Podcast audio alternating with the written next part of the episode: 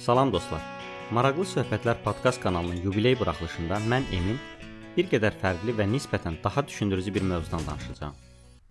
Bu kanalımızdakı 20-ci podkastdır və 20-ci podkast üçün belə bir mövzu seçməyimiz təsadüfi deyil. Məhz 2020-ci ildə dünyanı tarixdə nadir rast gəlinən müxtəlif fəlakətlərin toplusu bürüdü. Qlobal pandemiya, böyük yanğınlar, partlayışlar, müharibələr, ixtişaşlar, bədbəxt hadisələr və s. Bütün bunlar insanları dünyanın sonunun gəldiyinə inandırdı desək yanılmarıq. Yox, bu heç də dini kitablarla bağlı deyil. Sizcə belə bir hadisənin baş verdiyi ilk dəfədir? Hətta planetimizdə uzun müddət hökmranlıq etmiş dinozavrların apokalipsindən sonra insanlıq tarixinin müxtəlif dövrlərində böyük təbii fəlakətlər dünyanın sonu haqqında fikirlərin yaranmasına səbəb olub. Amma bəşəriyyətin inkişafın zirvəsində olduğu dövrdə, xüsusilə də son 70 ildə yer üzündə həyata təbiətin deyil, məhz biz insanları son qoyacağı fikri daha çox səslənməyə başlayıb.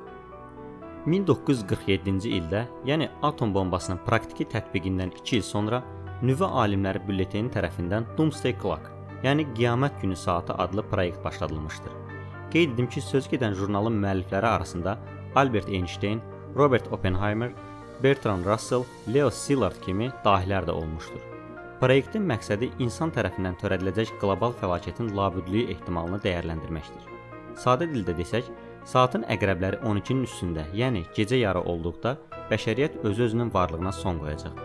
Saat yaradılarkən artıq gecə yarıya 7 dəqiqə qalırdı. 1949-cu ildə SSR-nin öz atom bombasını yaratması ilə saatın əqrəbləri 4 dəqiqə, 1953-cü ildə isə hər iki super dövlətin istilik nüvə bombasını sınaqdan keçirməsi səbəbilə daha 1 dəqiqə irəli getmişdi.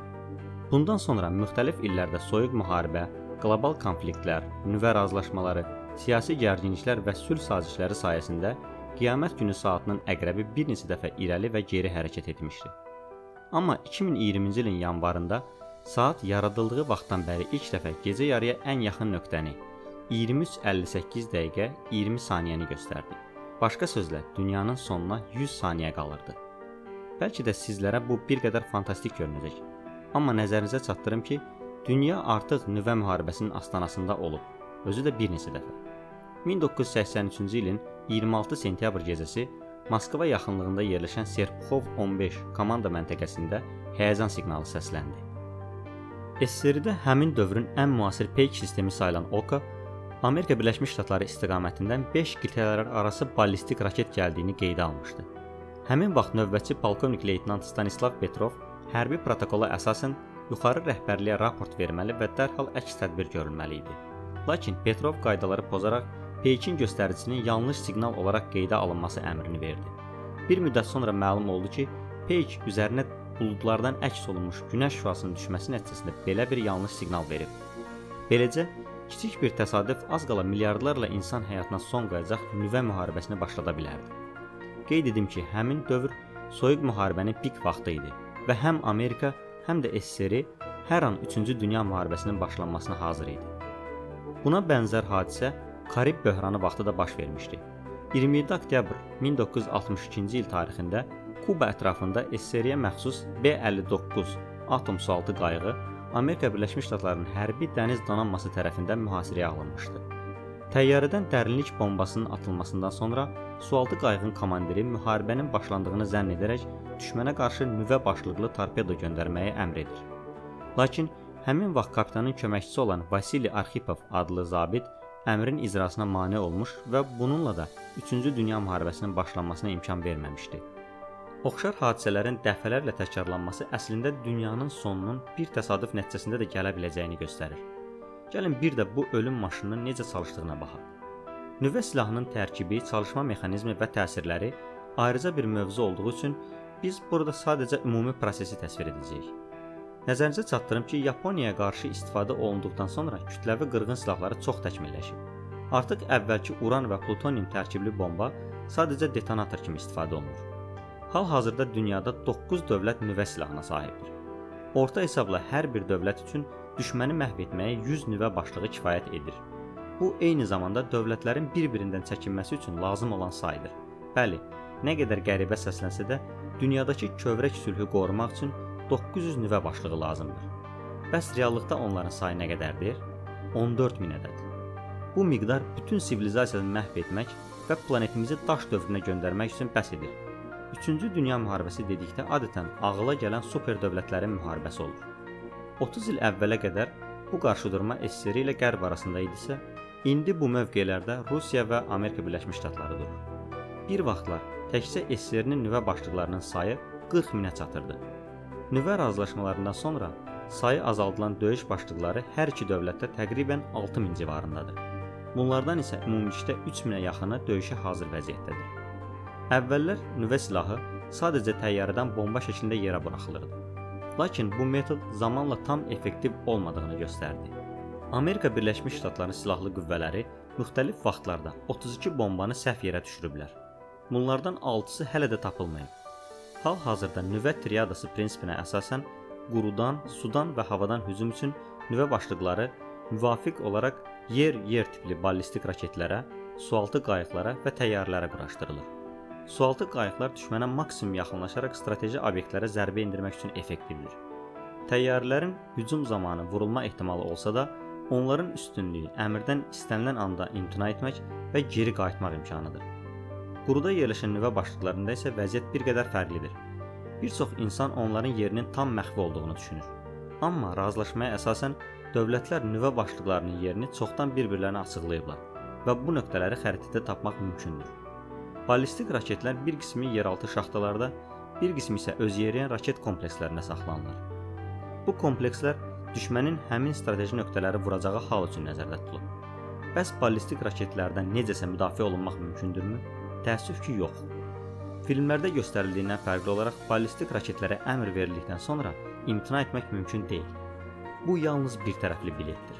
Raketin uçuş və hədəfləmə sistemi o qədər mükəmməldir ki, onu havadaykən vurmaq praktiki olaraq mümkünsüzdür. Bu prinsip özü də nüvə razılaşmasının tərkib hissəsidir. Yəni sadə dildə desək, heç bir dövlət özünün raketdən müdafiə sisteminə güvənməməlidir. Biz sadə insanlara nə qədər qeyri-real görünsə də, dünyadakı super güclər bu cür gedişata hər an hazırdırlar. Misal üçün, Amerika və Rusiya prezidentlərinin mümkün nüvə müharibəsi halında istifadə edəcəyi qiyamət günü təyyarəsi mövcuddur. Amerika Birləşmiş Ştatlarında bu Boeing Y4 Rusiyada isə İl-80 model təyyarədir.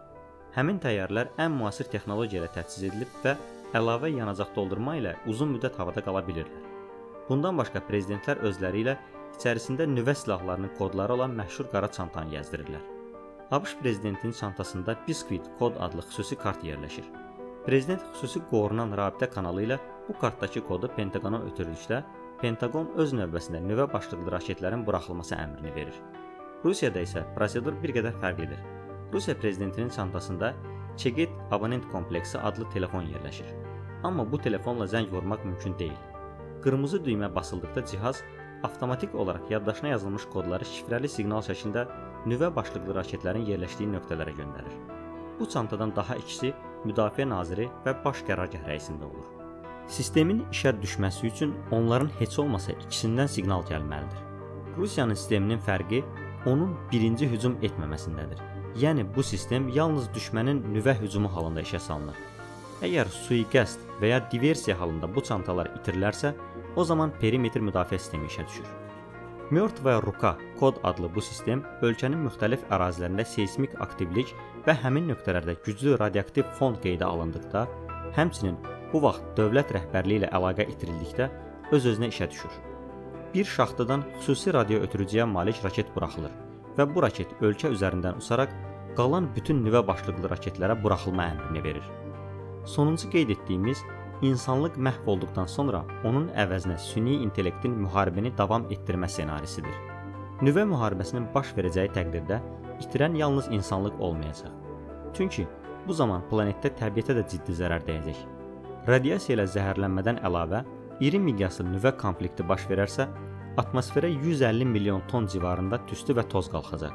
Nəticədə günəş şüalarının qarşısı kəsildiyi üçün planetin səthində orta temperatur 15-20 dərəcə Selsi aşağı düşəcək. Bu gedişat nüvə qışı adlanır. Günəş işığı və istiliyi olmadan əksər bitkilər və heyvanlar məhv olacaq, yer kürəsi isə Mars planeti kimi həyat üçün yararsız bir məkana çevriləcək. Gördüyünüz kimi qlobal müharibə irqindən, cinsindən, dinindən, milliyyətindən asılı olmayaraq hamı üçün uduşsuz bir vəziyyətdir. Dövlətlərin daim silahları təkmilləşdirərək bir-birini hədələməsi benzinin içərisində olan 2 nəfərin bir-birini kibritlə hədələməsinə bənzəyir. Halbuki bu qədər maddi vəsaiti elmə, texnologiyaya və insanların rifahının yaxşılaşdırılmasına xərcləməklə dünyamızı yaşamaq üçün daha gözəl bir yerə çevirə bilərik. Ümid edək ki, nə vaxtsa dünya dövlətləri bunu anlayacaqlar və ortaq məxrəcə gələ biləcəklər. Belə dostlar, podkastımızı bu yerə qədər dinlədiyiniz üçün hamınıza təşəkkürlər.